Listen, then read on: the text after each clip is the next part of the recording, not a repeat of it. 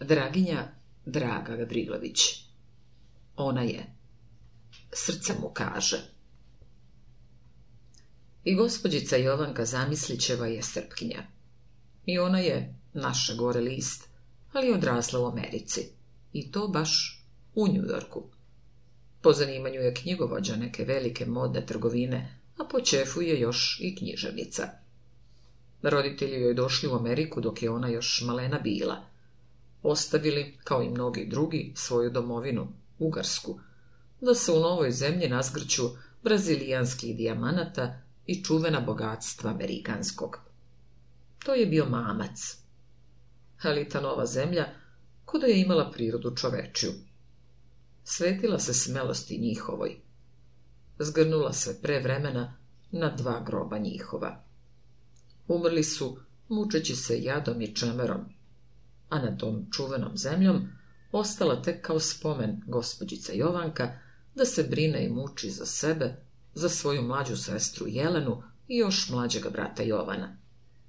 Briga ta i u Americi nije laka stvar, ali gospođica Jovanka je lepo i svesno odgojena, uz to je naučena i darovita, to je nije baš teško. Amerikanci nisu evropejci, oni ne uvažavaju dar i veštinu, te kitnjastim frazama i cvetnim vencima, nego je dižu i zlatom i dolarima svojim. Lako im je kad im je i Brazilija u blizini, misliće kogod. A ja velim, tako je. Primetba nije rđava, samo bih rekla da je tu i druga uzroka. To oduševljenje, ta izdašnost amerikanska prirodna je posljedica, što čovjek stariji sve štedljiviji. A Jovanka je prema Americi kao baba prema devojčici. I jednu i drugu zanosi sjaj i bogaština, samo što devojka hoće sve da deli i da uživa s drugima, a baba čuva sve za sebe i za smrt svoju. Trebalo bi, bar takav je običaj, da gospođicu Jovanku prikažem i po spoljašnjosti. Kako da počnem? To je čvor. Jer koliko znam, lepota je relativan pojem. Ona je stvar ukusa, i vele industrije, pa i apoteke. Reknem li da je visoka, nismo joj videli cipelice, možda nosi dvostruke parijske štiklice. Kažemo li da je vitka i tanka, držat će se da je jektičava. Spomenem li da je puna, to je produkt bezbrižna uzorna života. Reknem li da je debela, to je dokaz flegmatične prirode, dokaz lenjosti ili čak predznak škrofulozne i ne znam kakve bolesti. Pade li mi na um da kažem da je lepo razvijena? Uputit će na kogu da zagledam u varoške trgovačke izloge. U njima je koliko god hoćeš najnovijih midara. Na svakom krugno štampana ili napisana cedulja. Sedam forinti komad.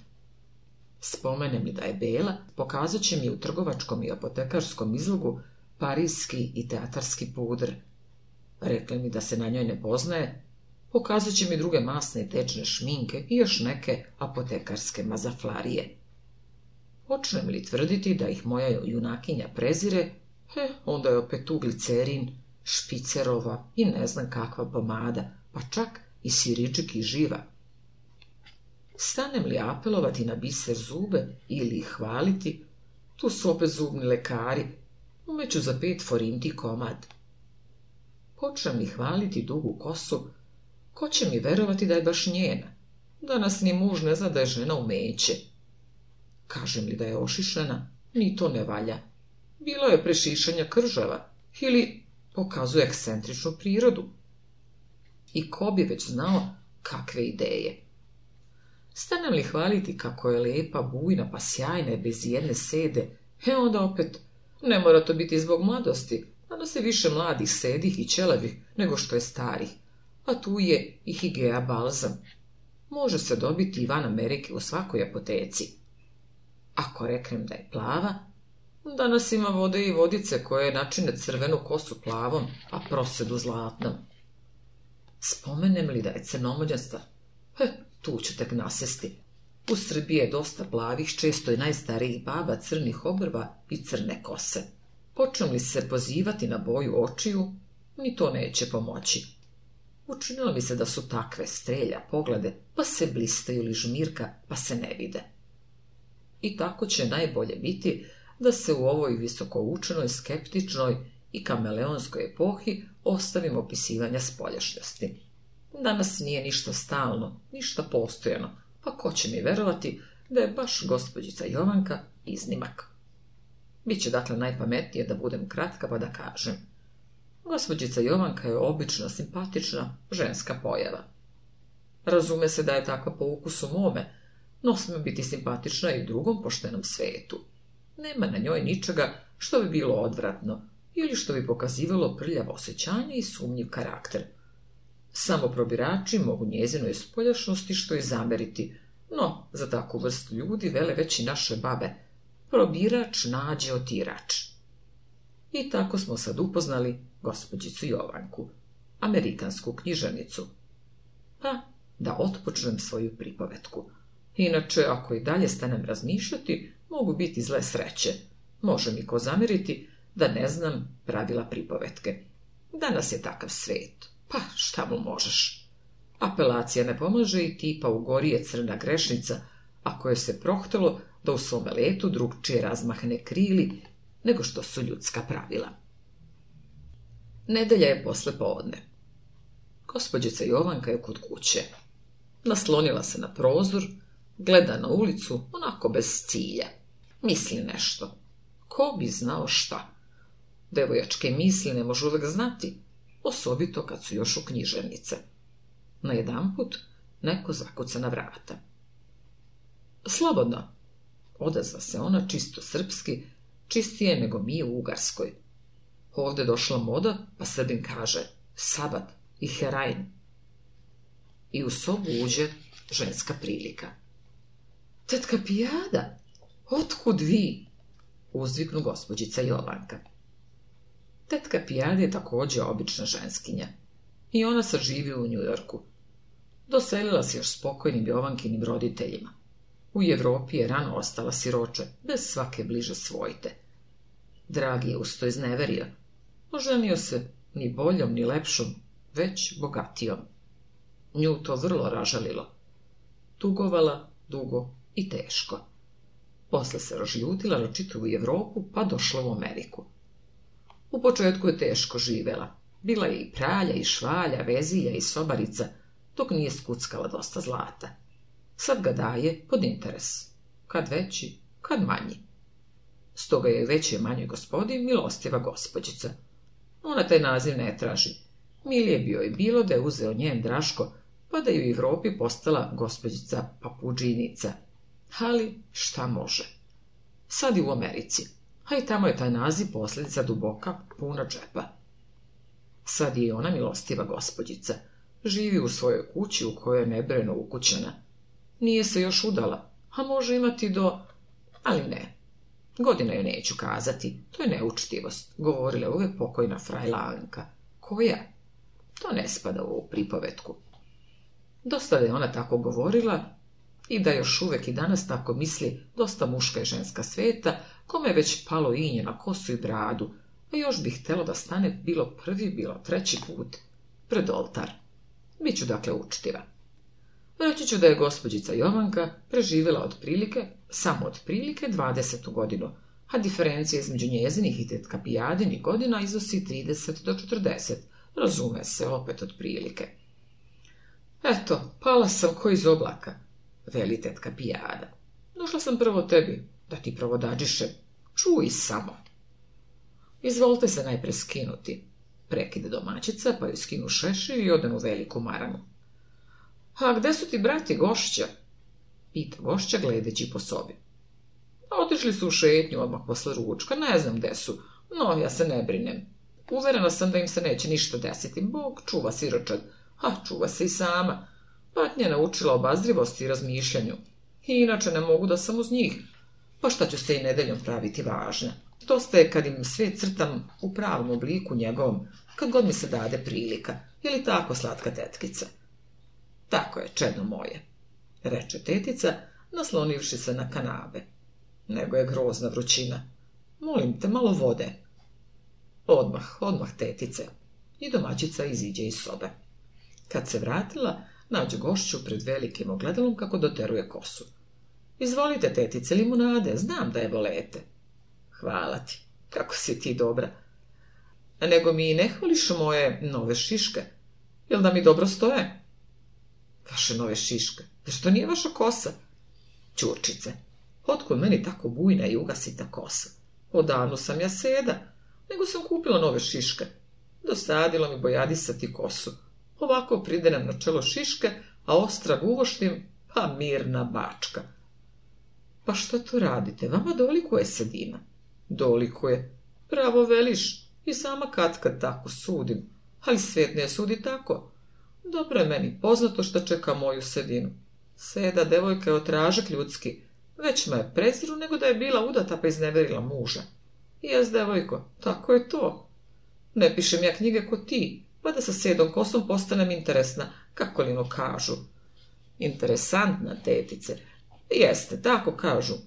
Ali, meni ga potrebo sve interes u glavi. Smeje se tetica.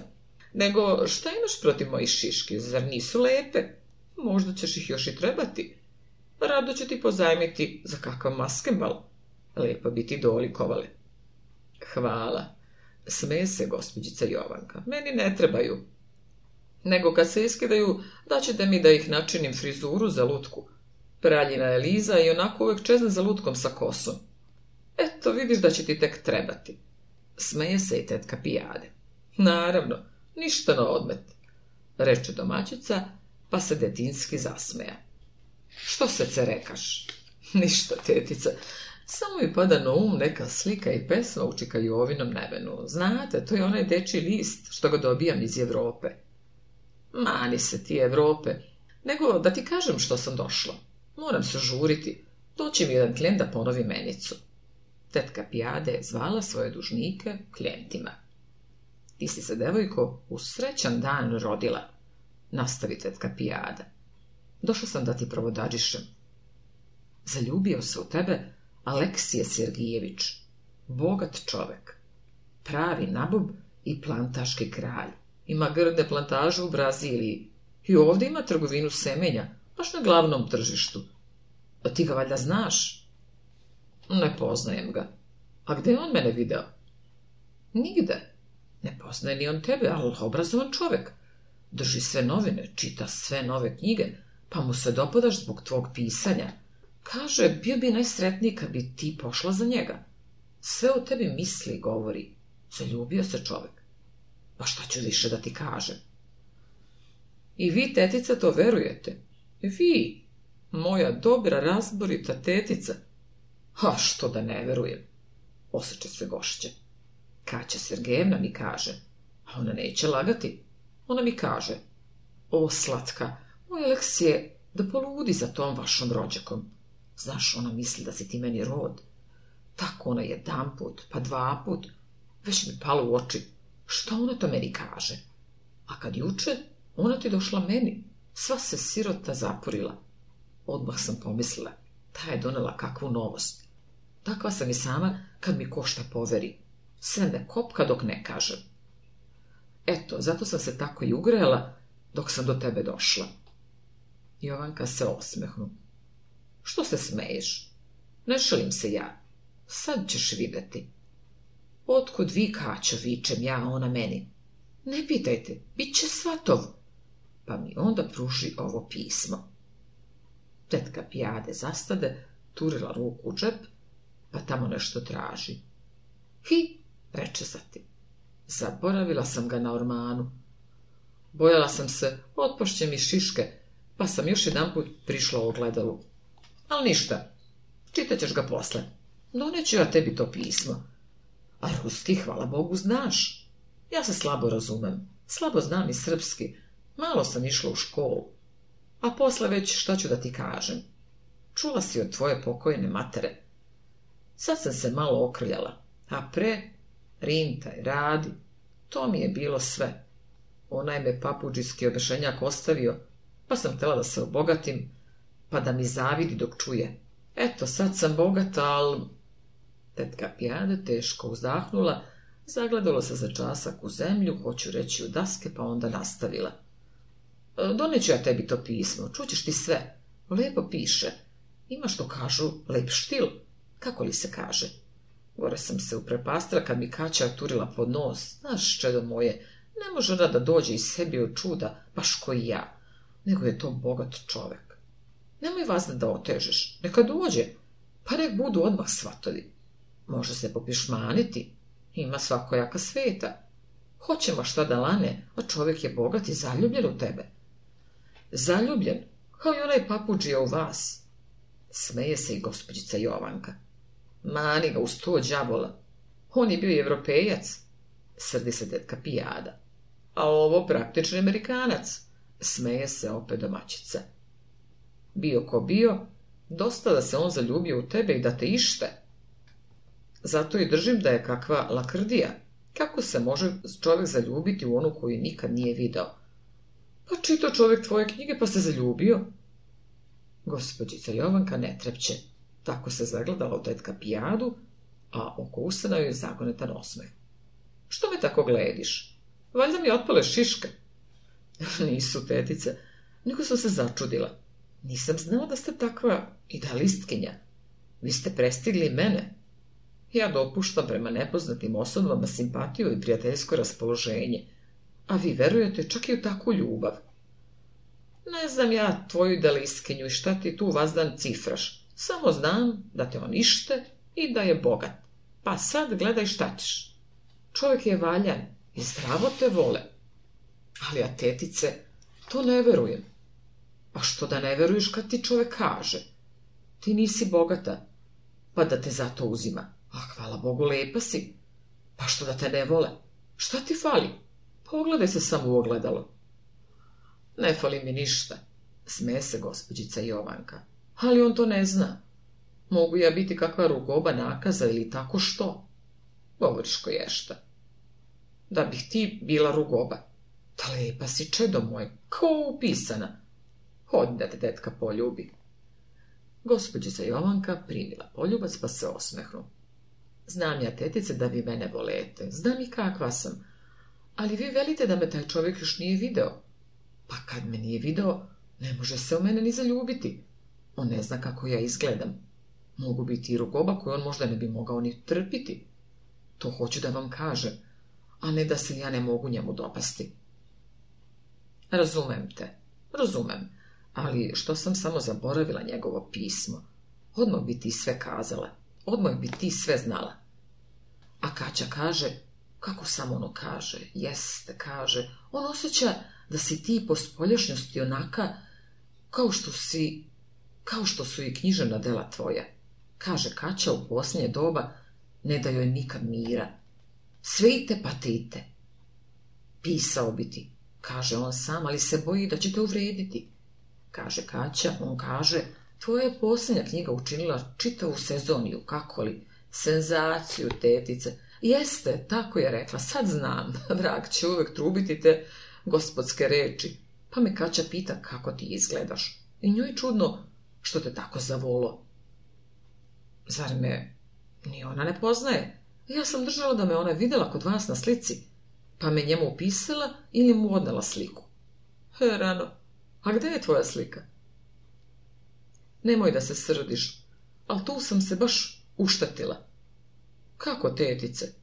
Ta pa znam, albuma nemam, šta će mi? Nego sam te zadenula za ikonu, tu te svako vidi. Ja sam čedo moje dobro mislila. Devojku ne treba držati po zastiračem, kažu naši stari. Pa zato nisam tela da te metnem na sto, za ikonom bolje pada u oči, ko se nado nesreći. O Đurđicu dođe mi jedan pravoslavni kaluđer, prosi. Kaže, bio je i u Jerusalimu. Meni padne na pamet da sam svečarica, pa ga zamolim da mi osveti vodicu. Hoće čovek. I lepo mi osvetio. Ali kad je otišao, vidim ja da je tvoja slika mokra. Curiti voda s lica. Čedo moje, mislim ja, osvetio i nju. A da se ne pokvari, utrem ja odmah još čistim peškirom, pa onda te lepo naslanu na zid od šparheta da se sasvim isušiš. Posle počnem da pravim sos od patliđana. Otvorila sam lepo staklo, pa taman da uspem, balono buć, pa na tvoju sliku. Sva sam se prepala. Odmah je zgrabim i počnem prati, ali ostala žuta mrlja, baš na licu. Dobro će biti, mislim ja, da protrem malo kredom. Biće bolje. Počem ti lepo trti, ali Hartija se sva sljuštila. Zar se danas što pravi, ko što valja? Sve sam felšeraj. Tako je, tetica. Smeje se i gospođica Jovanka. Da bog me da je tako čedo moje, ali ja sam gotovo plakala od jeda. Sad ne držim u Pokazala sam i kaći. Kaže žena, lepa je. Šta tetice? Pa haljena. Smeje se i tetka pijade. Lice ti da bome ne vidi, nego kaže ti meni, hoćeš li poći za njega? Treba da sam već kod kuće, čekat će me moji klijenti. Javit ću vam tetica dok se razmislim. Pošaljite mi najpre ono pismo. Stvar je, znate, delikatna. Treba vremena. Dobro, poslaću ti. Samo nemoj da oklevaš. Može ga ko preoteti. Čovjek je bogat. Obleću i druge oko njega. Ko šaške. Tetka pijade se oprostila i pošla. Na vratima opet zastala. Hoću još nešto da ti kažem. Kače mi kazala da nije nužno, ali čuj sve. Ja te volim kao svoje dete.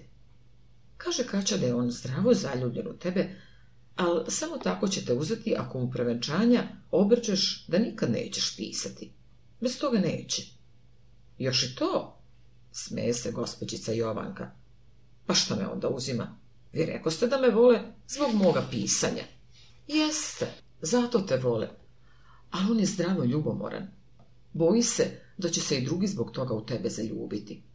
Haha, čuvao bi dakle moj dar za sebe, kao džimirija svoje blago. Smej se ti koliko voleš, ali baš to pokazuje da te vole. Nije mu stalo da se zbog tebe proslavi obogati, već hoće da te uzme tek što te vole. Začuđen pogled domaćičin pada na tetku. Možda imate i pravo, reče zatim tiho i zamišljeno. Da Bog da ima pravo, nego buditi i pametna, reče tetka pijada i ode. Prošla dva dana, a gospođici Jovanki jednako u glavi razgovor s tetkom. Pročitala je pismo Aleksija Sergijevića, što ga je pisao svojoj rođaci. Ni ono je nije mnogo razjasnilo. Sergijević prosto piše svoje rođaci da mu dade odgovora o poznatoj stvari, no da devojci pomene da će uz sve to što je visoko ceni i vole tek onda uzeti ako mu prevenčanja obeća da nikad neće pisati.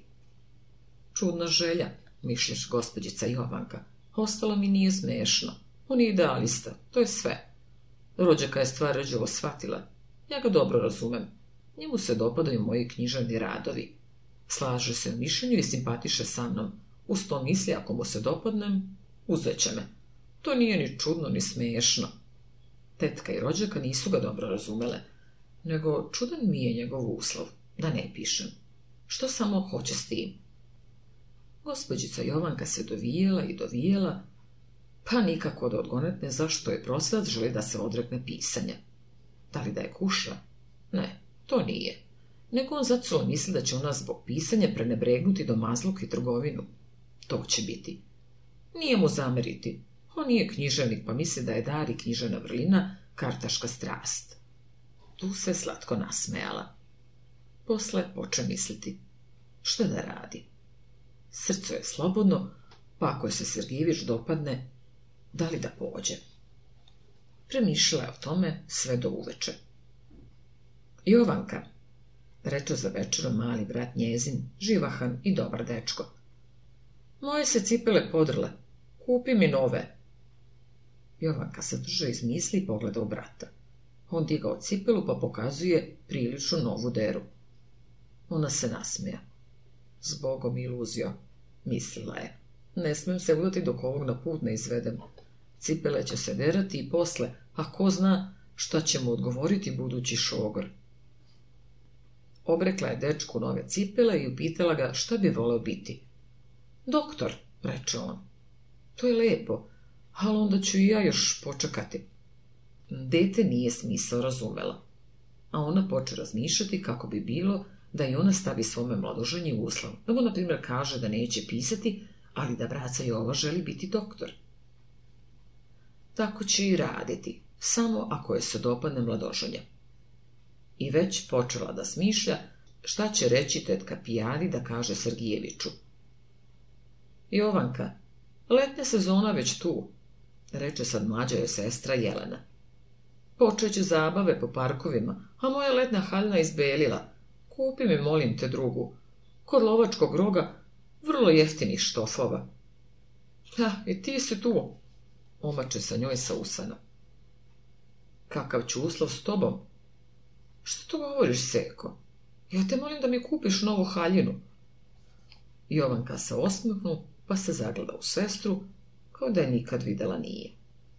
Šta me tako meriš? Ha, ha, zasmeja se ona. Krasna misao, to će biti najbolje. Šta će biti najbolje? Da ti kupi mladožunju, pa neka ti on kupi haljenu, smeje se Jovanka. Ženi se lakše kupuje nego šogorici. Jovanka, šta ti je? Ja te večeras ne razumem. I ne treba, to nije tvoja stvar, smeje se ona. Nego, reci ti meni, jesi li završila onu pripovetku što si zimu započela? Nisam. A zašto? Jelena se zbunila. Ta nisam imala kade. Znaš da uvek spremam sobe, pa treba da šijem, pa onda Jovan, ne da mira, zove me uvek u šetnju. Nije seko, zove ona mene. Brani se dečak. Dobro, smeje se Jovanka.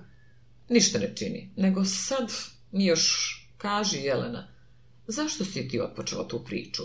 Osjećaš li da će ona biti dobra pa da treba da je kažeš ili si htjela njome tek da me obraduješ? Jelena je pogleda neodlučno. To mi je želja. Reci samo sve iskreno. Htjela sam da te obradujem i da ti pomognem. Prošla puta Jelena. Dobro, a zašto si prevela onih nekoliko pričica? Voleš to da radiš? Ne vole mi to, reče odlučno Jelena. Ja sam prevodila da dokažem da i ja znam strane jezike. Zašto da je drugi bolji od mene? Dakle, ti ne voliš da pišeš? Ne volem. onda je dobro, usiknu vesela Jovanka. To je tvoja sreća. Haljina ti ne fali. Sutradan ustade Jovanka ranije nego obično. Oblačila se vrlo sporo. Sve redom haljine pred ogledalom probala i skidala. Nijedno joj nije po volji. Najposle obukla neku haljinu svoje pokojne matere, a mesto šešira povezala crnu maranu od čipaka. — Što si se tako prerušila? — pita je mlađa sestra. — Idem tetka pijadi, pa hoću da protresem matrino delo. Znam da će se tetka obradovati kad me tako ugleda. Posle zaustavila jedne zatvorene kočije i odvezla se tetka pijadi. Starica se začudila, kad je vide. Pravo veličika da ništa nije na odmet, smela se Jovanka. Eto, došla sam da vas molim za vaše šiške. Sutra će biti maskembal, pa bi da se opravim s njima. Što ću kupovati druge? Ha, lepo će mi stajati. A jel, nevaljavica jedna, trebaju ti? A onda se smeješ meni, veli tetka. Samo sam se šalila slatka tetice. Tetka Pijada joj dade svoj ukras, naručujući da pazi da ih ne izgubi. Bile su vrlo skupe. Pazit ću ih kao oči svoje, samo lepo molim da mi ih date na nedelju dana. Pa molim i vašu veliku maramu, bit će još jedan bal, pa ću onda opet tako, samo ću ogrnuti veliku maramu i obiću drugu, evo ovu haljinu. Sad došla moda, pa maskebal sve u leto. Ta pa jest, jest, ali večeri su hladne, pa se može nazepsti, veli tetka pijade. Dobro sjeti se moje marame. Meka ko duša, a velika ko ponjeva. Daću ti, kako ne bi dala. Pa se čedo moj lepo motaj. Nemoj ti baš mnogo da glediš na modu, pa nemoj mnogo ni da igraš. Možeš dobiti i aktiku. Neću, tetice, nego znate što sam rešila? Hoću da pođem za našeg mnodoženju. Hoćeš? O, slatko čedo moje, ta pametna si ti. Pa da idem da kažem kaći da mu javi. Ili da odam sama, brže će ići. Nemojte, tetice. Ne treba tu niko da zna. Može ko metnuti prst pa se pokvariti. Šta znam ja šta misli gospođa Kaća? Možda i njoj nije pravo što je rođak hoće da uzme sirotu devojku, pa će možda baš ona pokvariti posao. Pravo veliš, ali kako će on znati da ti hoćeš? Ja mu već ne mogu otići, pozajmila sam ti šiške, a one stare sasvim otecane pa izbelile. Valjda ih frizer pravi od sede kose. Da, kupovat će on skupu kosu. Seda je jeftinija. Naravno, ali ne treba vi nikuda da idete. Ja sam mu sve pisala. Samo ne znam adresu njegovu, pa molim da mi je date. Vama je zacelo poznata. Znam je dobro, čekaj samo da se setim. Jest, ovako je. Aleksije Sergijević, trgovac semenja na glavnoj pijaci, ulica Vašingtonska. To je adresa, a kad prođeš, lako ćeš ga naći. Na vratima je naslikano više džakova sa raznim semenjem. Hvala vam, reče Jovanka. Pa nemojte da se brinete. Sve će dobro biti. Samo vi tajite od svakoga. Ne treba niko da zna. A kad ću ja čuti što se svršilo? Javit ću vam čim se udasimo. Za nedelju dana neće ništa biti. Onda će biti glavni maskembal, pa sam upisala da se tamo sastanemo. Tako, nego, znaš šta, onda skini malko, veliku maramu, da te vidi i onako, Pa da nećeš baš odmah kao zepsti. Skinut ću, se gospođica Jovanka, pa se oprosti i ode. Gospođica Jovanka skočila na kola, zapovedila košijaču da tera u Vašingtonsku ulicu i navukla zavisu na prozore. Kad se kola krenula, ogurnu ona tetka pijadinu maramu prideno je pod grlo, uze i svoje kotarice ogledalce i tetkine šiške, pridenu i za svoju kosu, pa se onda opet poveza. Tako, misle ogledajući se, sad me baš niko neće poznati. Oči su naravno iste, a šiške su crne, pa onda ovo delo, pa krem, puder, sve me to pravi mnogo starijom. Badava me je video, sad me ne može poznati. Sasvim sam pristala za tetku gospođice i zamislićeve.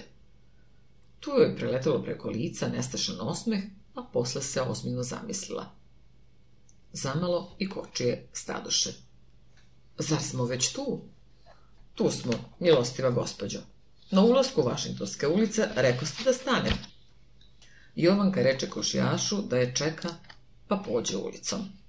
Čitava sve firme redom dok ne nađe glavno stovorište semena za Južnu Ameriku Aleksija Sergijevića. Gospodjica Jomanka zastala, nakašljala se, pogledala nekoliko puta oko sebe, zatim mahnula rukom preko čela te odlučno ušla u trgovinu. Šta želite? Pita uslužno neki dečko. Želim da govorim s Aleksijem Sergijevićem. Treba mi semena za moju trgovinu. Dobro ste trefili. Ovdje je još od jutros, veli dečko. Inače je najviše ovdje njegov kompanjon Semen Sergejević. Dakle, njegov brat. Brat od strica, milostiva.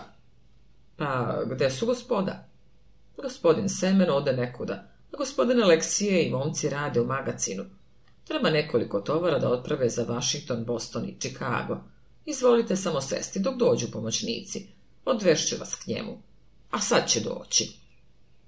Jovanka sede, a svaki joj trenutak čitava večnost. Posle nekoliko trenutaka dođe i nekoliko pomoćnika. Svi joj se učtivo pokloniše, a dečak joj ponudi da ide gospodinu. On je već u svojoj sobi, reče neki pomoćnik. Odvedite milostivu tamo. Dečko je odvede. Imam li čast sa aleksim Srgijevićem, reče ona po trgovački i na ruskom. On joj se učtivo pokloni. Treba mi semena za moju trgovinu. I zatim isprekidano poče ređati vrste semenja. Mogu služiti sa svakim, reče on. Je li po da vam dam doneti robu ili da odemo u magacin? Tamo je u većoj količini. Možemo i tamo. Samo bih najpre molila jedno pitanje. Izvolite. Pa je ponudi da sedne. Hvala, reče ona sedajući. Moram se žuriti. Može nas ko prekinuti, a stvar je vrlo važna i delikatna tiče se vaše ponude gospođici li? Gospođici Jovanki, uzviknuo on, a po čelu mu se osu laka, tek jedva primetna rumen. Ona ga za časak pažljivo posmatrala. Mogla je, oborio je oči. Simpatična pojava, misla je ona, no vidjet ćemo hoće li mu ljubav izržati žrtvu ili će biti zgodniji za šogora. On diga oči, a ona ih oborila te drhtim glasom počne. Varate se, gospodine. Ona se istina svuda potpisuje J. Zamislićeva, ali to znači Jelena. Jovanka je njena sestra. Ona nikad ne piše. Ona je knjigovođa u jednoj ovdašnjoj trgovini modna je spapa. Kako to? Kaća, moja rođaka veli da je ime Jovanka. Gospodja rođaka se vara. Ona je čula tetka pijade vi je zacelo znate. A tetka pijade brka njihova imena. Ja tek moram znati. Tetka sam im. Srgijević se poklonio vrlo učtivo, a zatim je pitao zaštovano ime. Gospodjica Jovanka za časak oborila oči. Šišković, Osmehla se zatim. On je pogledao. Jel te? Smešila se ono malo čudno ime. Precima u pokojnom muža behu Bugari, oto da vada to ime. Morali su biti šišani ili tome nalik. Vi ste udovica? Pita on, mereći je. Damnašnja, veli ona, pa stade kupiti maramo oko sebe. Pa smem li znati šta veli gospođica Jovanka? Hoću reći Jelena. Ja je, verujte, visoko cenim i poštujem. Ona se u toj stvari osanja na mene, reče Jovanka. Ja joj zastupam mesto matere. Biće vam poznato da je rano ostala bez roditelja. Čuo sam nešto i o tome. Dakle, ne znate o njima ništa podrobno. Ne znam, ja sam u Njujorku tek od ove godine, nego sam čuo da joj je ime Jovanka. Pogrešno, moj gospodine, vrlo pogrešno. Tako misle mnogi, ali se varaju. Jelena piše, a Jovanka je, kao što rekao, knjigovođa. A vas je može biti baš to Jeleni privlačilo. Radnje kao što je vaša, to je vrlo važno, no, kao što rekoh, Jelena nije knjigovođa. — Gospodjo, uzviknu ponosito Sergijević. Ja za to nisam pitao. Da gospođica Jelena ima sestru koja je knjigovođa, čujem tek od vas. Meni se gospođica Jelena dopada zbog njenih misli koje sam čitao u ove godine u njezinim delima. U to je Kaća, moja rođaka, razjasnila da ono ju znači Jovanka. Pa molim vas, nemojte mi nametati te spekulativne misli. Ja sam trgovac, ali u braku neću da trgujem. To tražim čisto srce i valjana druga. Vrlo lepo, reče Jovanka. Tako sam i sama sudila kad sam dolazila za mog pokojnog. I verujte mi, mi smo sretno živeli. Nisam odala ni jednog dolara. Samo je miraz bila je tek moja čista ljubav i poštovanje prema njemu. To je dovoljno, reče Sergijević. Više ne tražim ni ja od žene svoje. Neka mi je veran drug i neka ume na dobro upotrebiti i čuvati ono što ja zaslužim. Pa mi je dosta. O, to sam umela, poče gospodica Jovanka basovskim tonom. Umela sam još i tekako. A kako i ne bih čuvala kad je pored mene izdržavao i mog brata i sestru. Sestru smo lepo udomili. Brata smo izučili za doktora. To je dosta koštalo, pa opet mi nikad nije ni reč prigovorio. Izdržavao ih kao svoju decu. To je, bome, redak čovek, primećuje Sergijević. Izdržavati svastiku i šuraka nije mala stvar i najmućniji mora to osjetiti. Danas se teško živi. Gospodine, to nije bilo danas. To je bilo pre četiri do pet desetina godina, a tada behu ljudi drugčiji. Ljubav je tada bila ljubav. Danas je njome ovladao duh vremena, ovladao račun. Jovanki se zažariše obrazi i oči se neobično zasiješe. Bujna njezina priroda beše za časak zaboravila kakve se uloge latila. Sergijević je pogledao začuđeno. Jeste, moj muž je bio redak čovek, Trže se ona. Nikad ga neću zaboraviti. Dobar, kao dobar dan. Uvek govori mojoj Jeleni. Da ti je taka muža dobiti, ja bi se kod tebe sklonila. Prinela bih ti ono malo udila pa da se bar pod starost moja duša odmori. Ja je, gospodine, volim kao svoje dete. Aleksija Sergijević naglo uze svoj cenovnik sa stola, pa ga mehanički stade prevrtati i zagledati, kao da ga prvi put vidi. Jovanka se osmehnu. Zgodni si ti za šogora, misla je, i tada odpoče. Tako joj uvek velim, a sad kad vas vidim, sva sam sretna. Vrlo ste mi simpatični taman pristali mojoj jeleni. Ona je vrlo dobra. Verujem, verujem, veli Sergijević. Gospođica jovo hoću reći Jelena, mora biti anđelska duša. Ali ja vam opet ne bih savjetovao. Verujte, najbolje je kad je čovjek svoj gospodar, znate. Spleo se i zastao. Nije praktično, završi smiješeći se ona. Može se desiti nesporazum ili tako što. Ženske su čudne. Mogu se i posvađati. Jeste, to sam i ja mislio, odahnu Sergijević. A gde vam je trgovina, ako sme moliti? U Čikagu. Teško živim, jedva kraj s krajem. Kad kad je baš jadi čemer. Da, tako je danas svuda, zato je velim da je najbolje kad je čovjek svoj gospodar. Razumem, potpuno razumem, zato sam i savjetovala Jeleni da joj brat ostane kod Jovanke. Dečko je do duše dobar, ali tek će radije slušati sestru nego šogora. S njom se već svikao. Tako je, tako, odobravao je Sergijević. To je praktičnije. A koliki je to dečko? Imam u 14 godina, no kao što rekoh, on će ostati kod Jovanke. Ona toliko zaslužuje, koliko je lužno za dvoje. Sergijević se zamisli pa upita. A kako je to da je gospođica Jovanka knjigovođa, a Jelena nije? Sasvim prirodno. Jelena zaslužuje pisanjem, a jedna se mora držati do mazluka. Te ostati doma, pa je pala kocka na nju.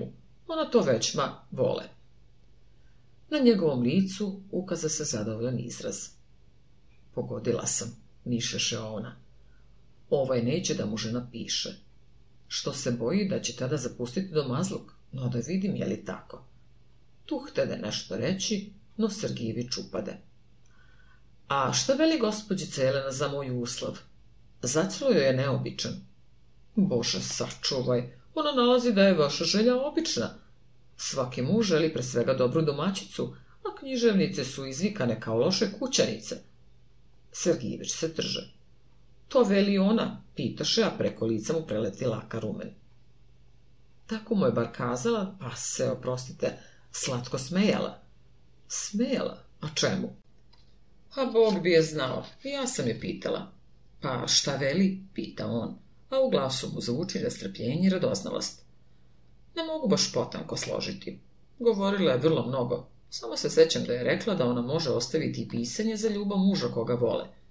Kaže, književna veština i dar nije duvanđijska i kartaška strast.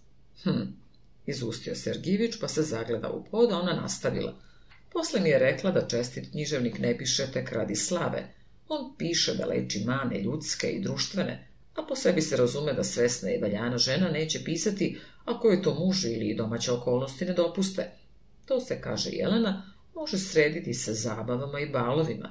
Redka je ženska koja ne voli igrati, zato se i najstrasnija igračica ume odreći balske dvorane, kad je materinska i domaća dužnost prošopće. To nije za tebe. Samo lakomislena, pokvarena i nerazborita žena Čef svoj na uštrb svoje porodice, a književnica se valjda tek ne sme računati u te žene. Sergijević, čuteći preveće svoj cenovnik, a Jovanka s osmehom nastavila. Jelena kaže, moj gospodine, sve zavisi od karaktera.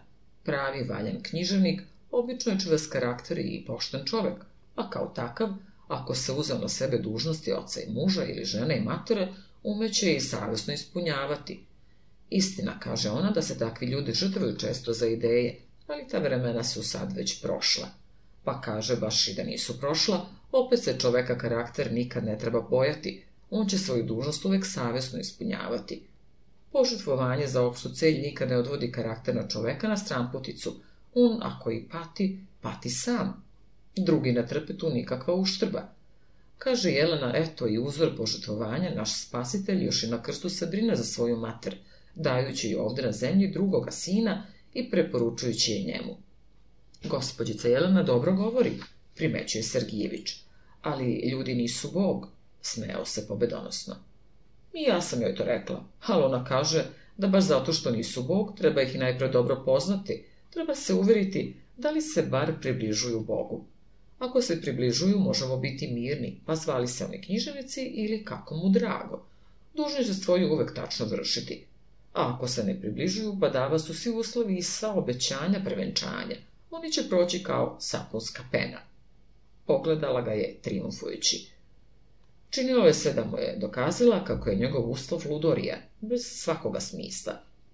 Ali kako se trgla kad je pogled sredoše mesto dva oka četiri?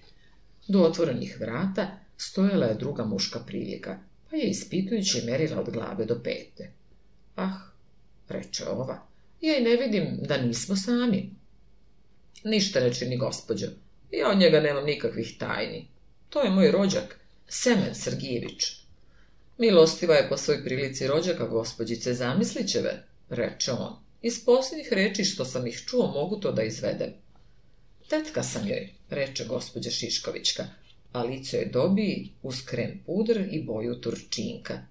Zastidila se pa izbunila. Činilo je se da ova druga muška prilika ne samo simpatična pojava, nego i bolji fiziolog i psiholog od njezinog mladoženje, te se jako bojala da ne prozde njezin manevar.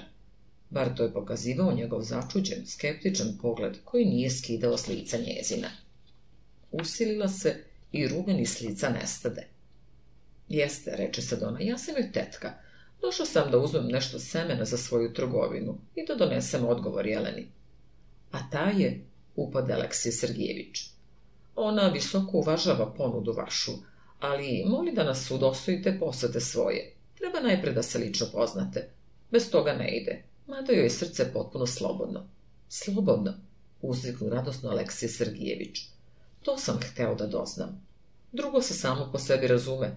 Još sam hteo da čujem, da li gospođica prima moju uslov? Jovanka se osmihnu. E, Jelena, kao što rekoh, veli da može i pisanje ostaviti za ljubav muža koga voli i poštuje. No, vi bi, moj gospodinu, dobro činili da o tome s njome mnogo ne govorite. Drugo je osjetljiva i ponosita. Dosta je kad joj jedanput to pomenete. A ja vas uveravam da neće pisati ako rekne da će poći za vas. Svečanih izjava nemojte od nje tražiti. To može sve pokvariti, baš da vas i zavole. I ona ima svoje osobene nazore i slobodnu volju Alekseju Sergijeviću. Sasvim vam je dorasla. Nasmešila se. Aleksije Sergijević je pogledao, nerazumevajući, a Semen se još skeptičnije zagledao u gospođu Šiškovićku. Nego, ja sam se duže zadržala ono što sam mislila, žurila je Sadona. Kola me čekaju. Molim, naredite da se to malo semena odnese u stan, Jelenin. Ja ću odavde još i dalje a neće biti teško, uzimam tek za probu. Izvadila adresu i metnula na sto. A za nećemo u magazin? Našto? Uzimam tek nešto za probu, a uverena sam da ću biti poslužena, nego molim račun. Rekla je kakva će se mena i koliko od svakoga. Sergijeviću i predade i račun. Isplatila ga je i pošla. Na vratima zastade i reče.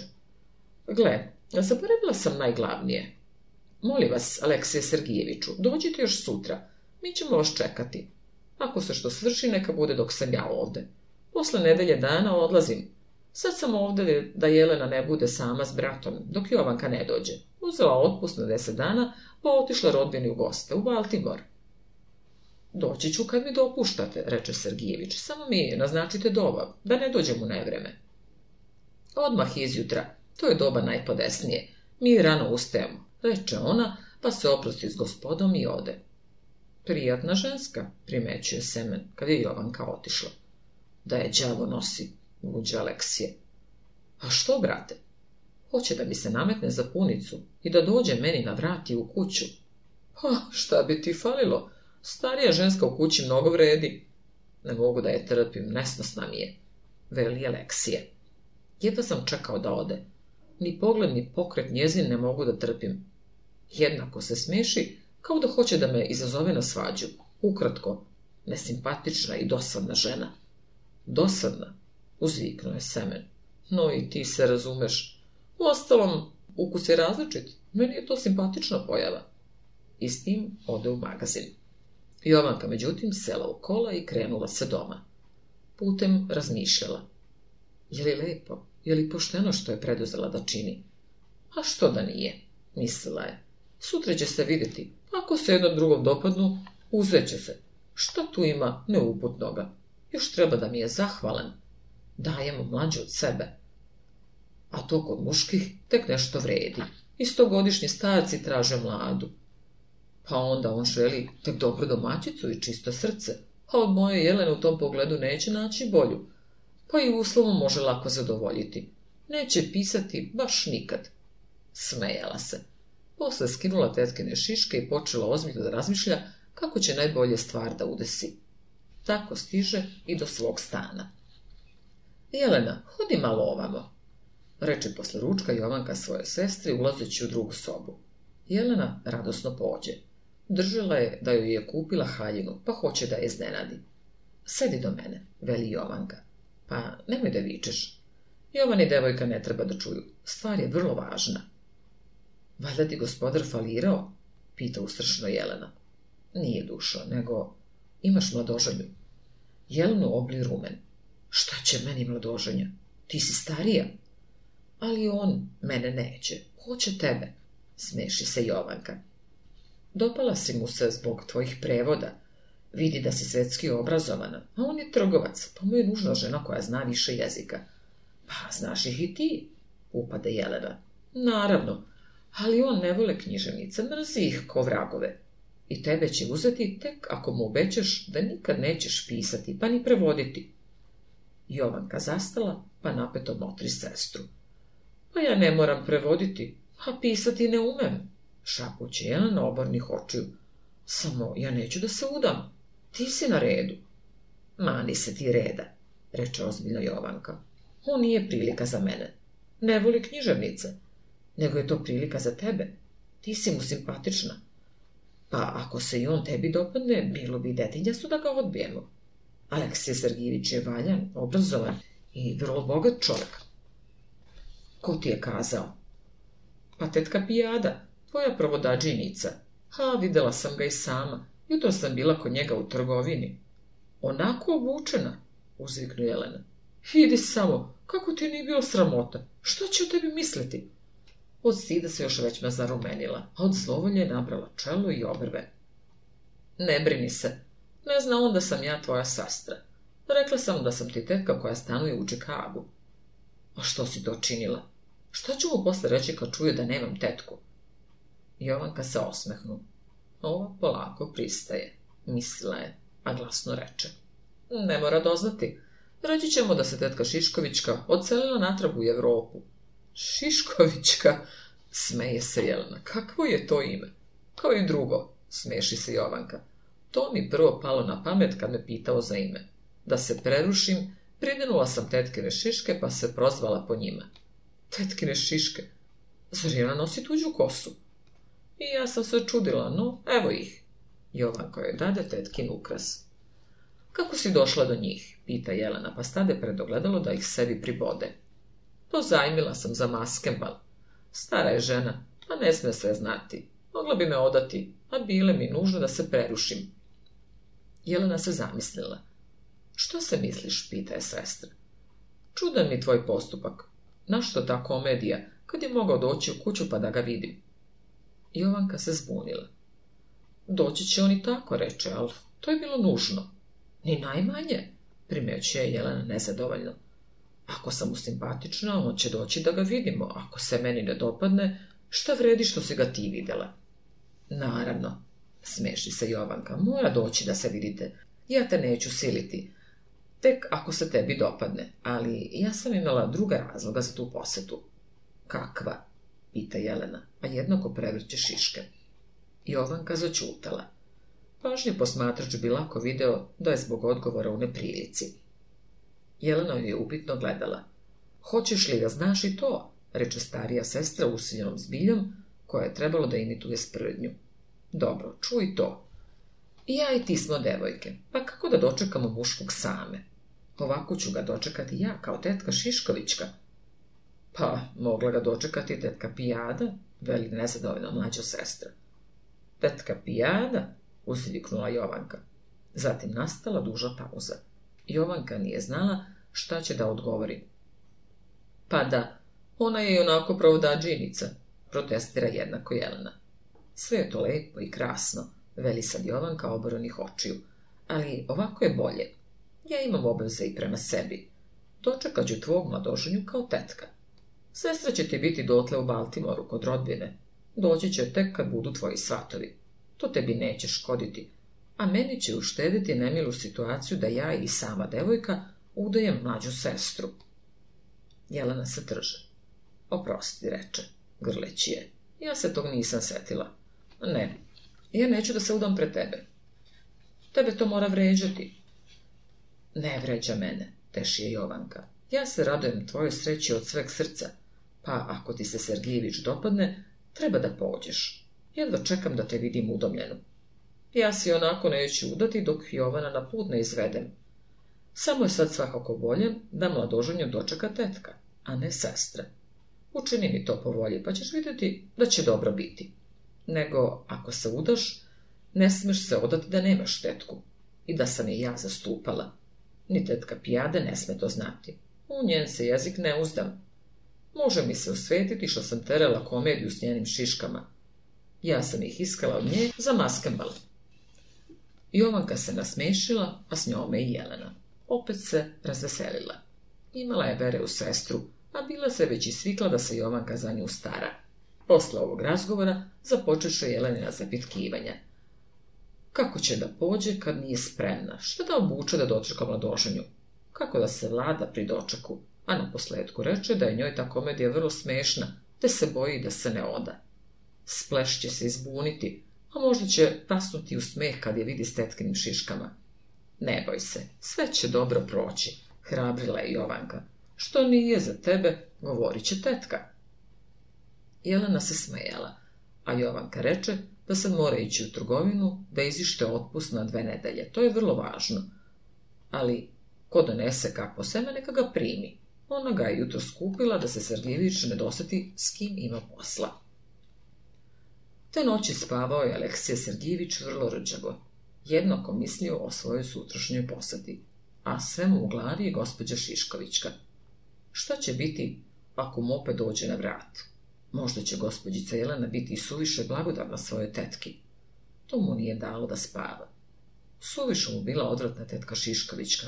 Ta, kako je samo speckanje ugovorila o njegovom uslovu, gospođica Jelena za celo ne misli tako. Sutradan dođe on dosta rano u Jovankin stan. Dočekala ga gospođa Šišković vrlo usrdo. Pružila mu prijateljski ruku i ponudila da sedne. Tek što je primio ponudu, a na vratima druge sobe ukaza se ženska prilika. On je pogleda.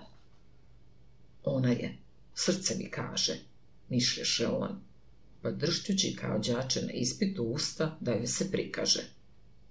Jelena se zarumenila kao ruža kad mu je pružila svoju ruku da se rukuju. To rumenilo dolikovalo vrlo njezinom nežnom licu iskrenim poludetinskim očima, te Aleksija Sergijevića nama zanese iz njegovog nepoznatog ideala. Bio je u sebi rešio da ustupi od svoga uslova, ako baš mora biti. A ako ne bude, primit će u kuću gospođu Šiškovićku. Valjda se neće ni ona zakovati za ovaj svet. Stara je. Pogled mu ode i njojzi, ali, gle čuda, danas mu kao uprkos izgleda mnogo mlađa. I ona je rumena, skoro ko Jelena. Gledi u njega nekako ispitujući, što njemu ne godi, ali opet mora priznati, te oči više nisu odvratne. Nalik su na Jelenine, samo je u njima nekog slobodnijeg i ozbiljnijeg izraza. Pogledao je opet. I sad nađe da je Semen imao pravo. Gospođa Šiškovićka nije suvremeno odevena, ali je za staru ženu dosta lepa, skoro i suviša.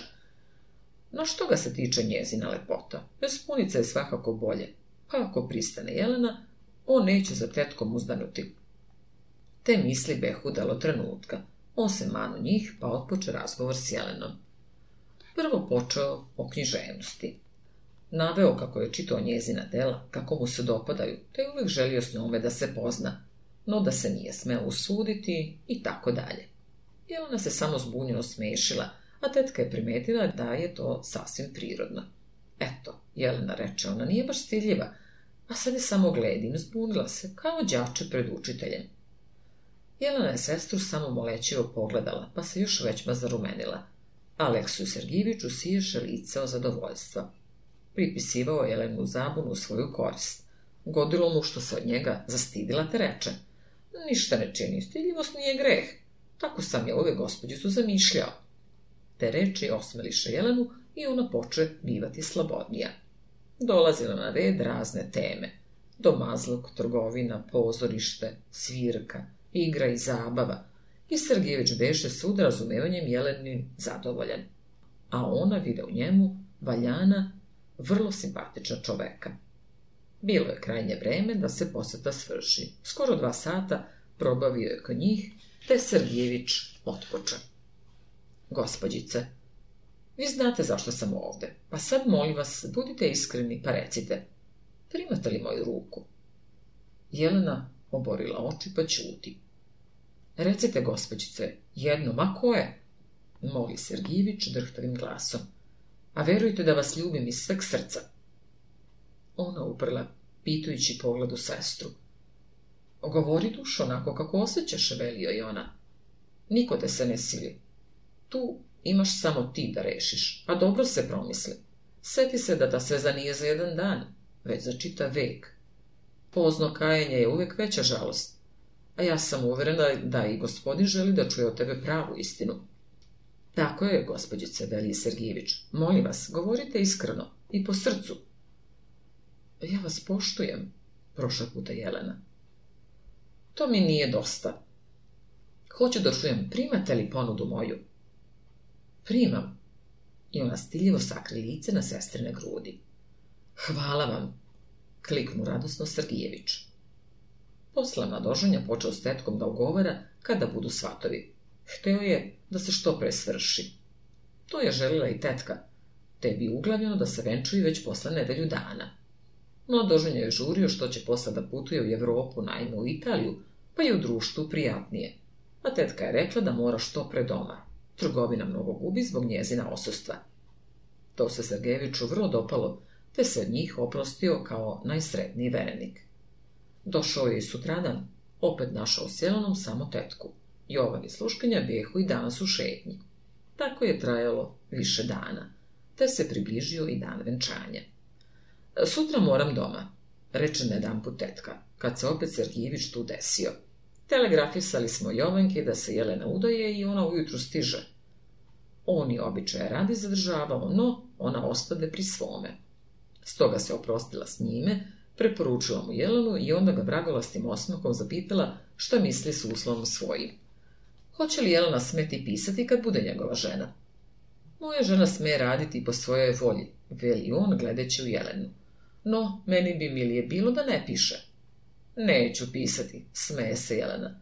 Ne puca mi baš srce za tim poslom. Znate šta, deco moje, upade žurno tetka.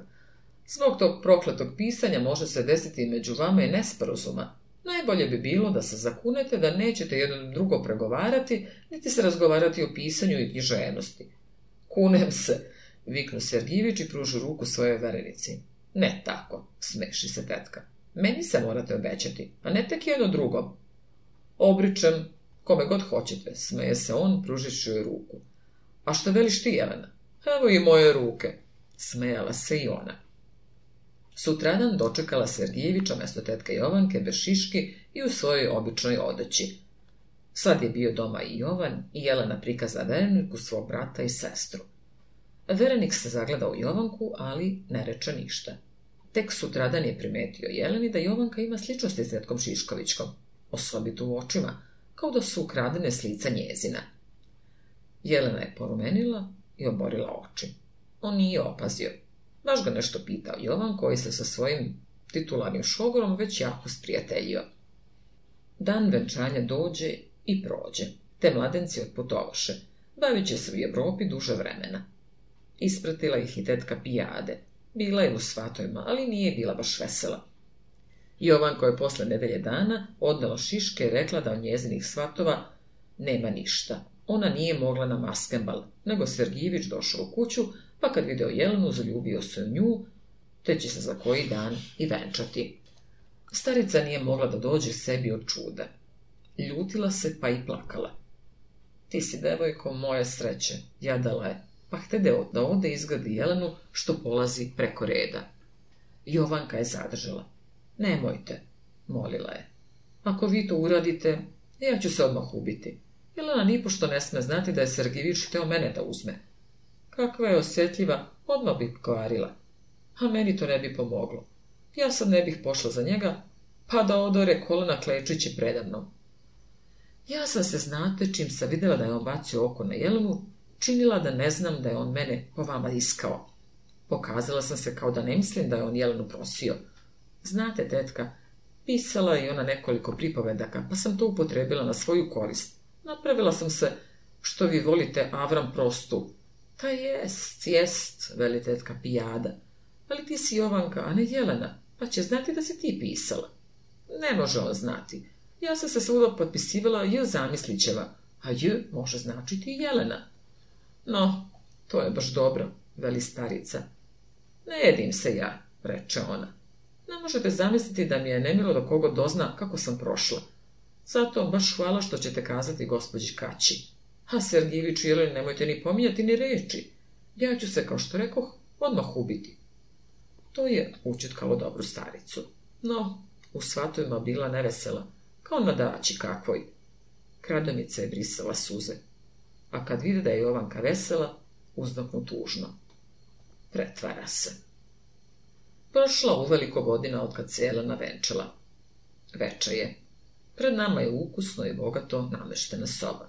Na sredini je postavljen sto, a na njemu božićni kolači. Znak da je badnji dan. To pokazuje i slama na podu. U sobi su Jovanka i Jovan. Igraju se odojčetom nekim. Zamalo pa u sobu uđe neka ženskinja. To je Jelena. Sva se zajapurila od kunjske vatre. Večera je gotova, reče ona uzevši dete. A što radi moj sin? Valjda je plakao. Nije, nego gde mu se baba zadržao. Pozvao se još uče, a sad ga vazda nema, veli Jovanka. Da bog me, on ne zna da sam ja danas jedno udila da noća sanjam suđenika. Možda ćeš ga videti i na javi, primećuje značajno Jelena. Jovanka nije čula, prelistavala je neku knjigu što je ležala na prozoru. No jedan put se obrte sestri i reče.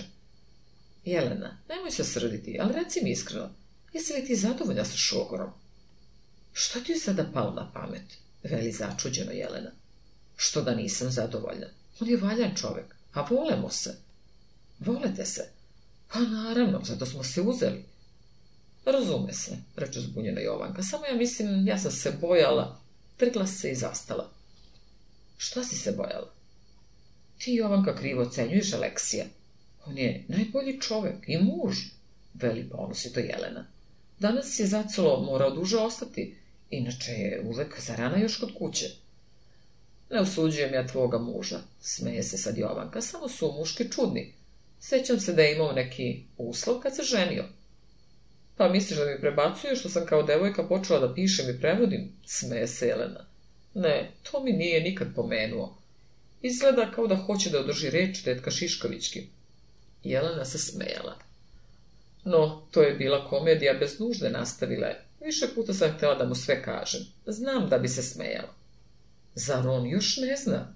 Drže se starija sestra. A ja sam mislila da si mu ti još u Italiji sve kazala, pa mi je čudno kako mi nikad ne pominje, kako mi se ne smeje. Nisam mu kazala. Ti si tako željela, pa sam čutala. Radi tebe. Da, radi mene, veli raseno Jovanka. Pa, molim te, nemoj ni da mu kažeš, sramota me je. Nego, čuno mi je, kako da ne posumnja. Začutala je. Šta da posumnja?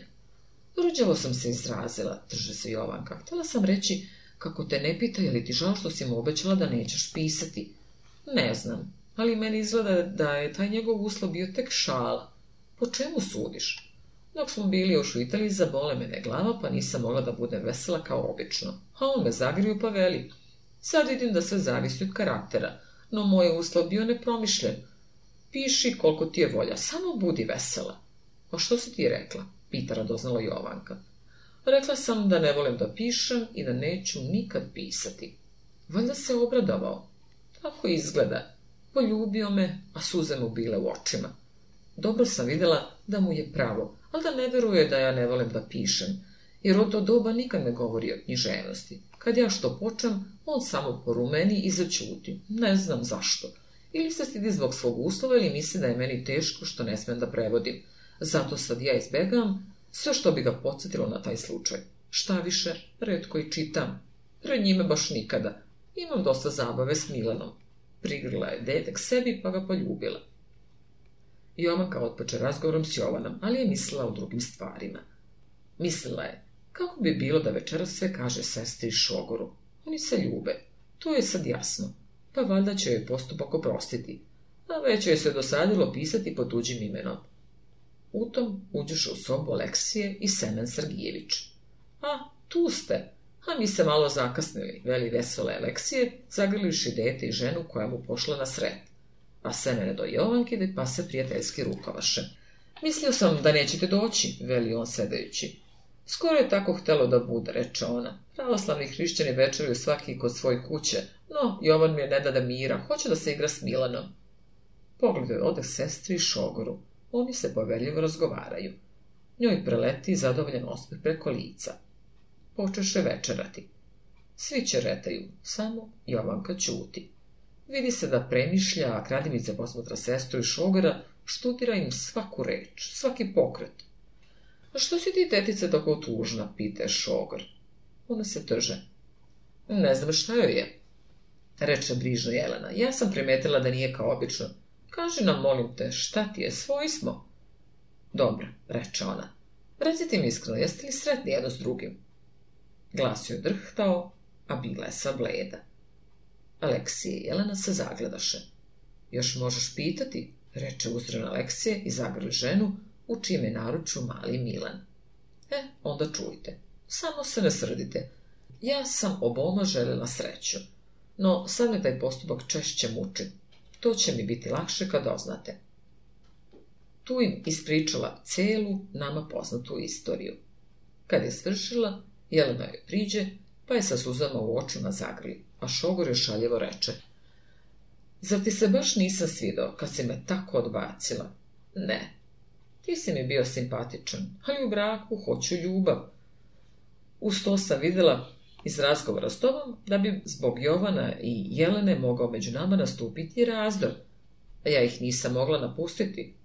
Jelenu je trebalo udomiti, a Jova, kao što znate, hoće da bude doktor. Za časak je nastala u sobi tišina, kao u crkvi, kad popa navešćuje. Jelena je tiho jecala, a muž je priglio k sebi, pa je suznih očiju gladi kosu. U očima mu piše najčistije ljubav prema njojzi, a poštovanje prema Jovanki. I Jovan je sve razumeo, pa se priljubio u sestru koja nije htjela da ga ostavi. U semenovim očima nema suza, no prsa mu se naglo dižu vidi se da je i on uzrujan.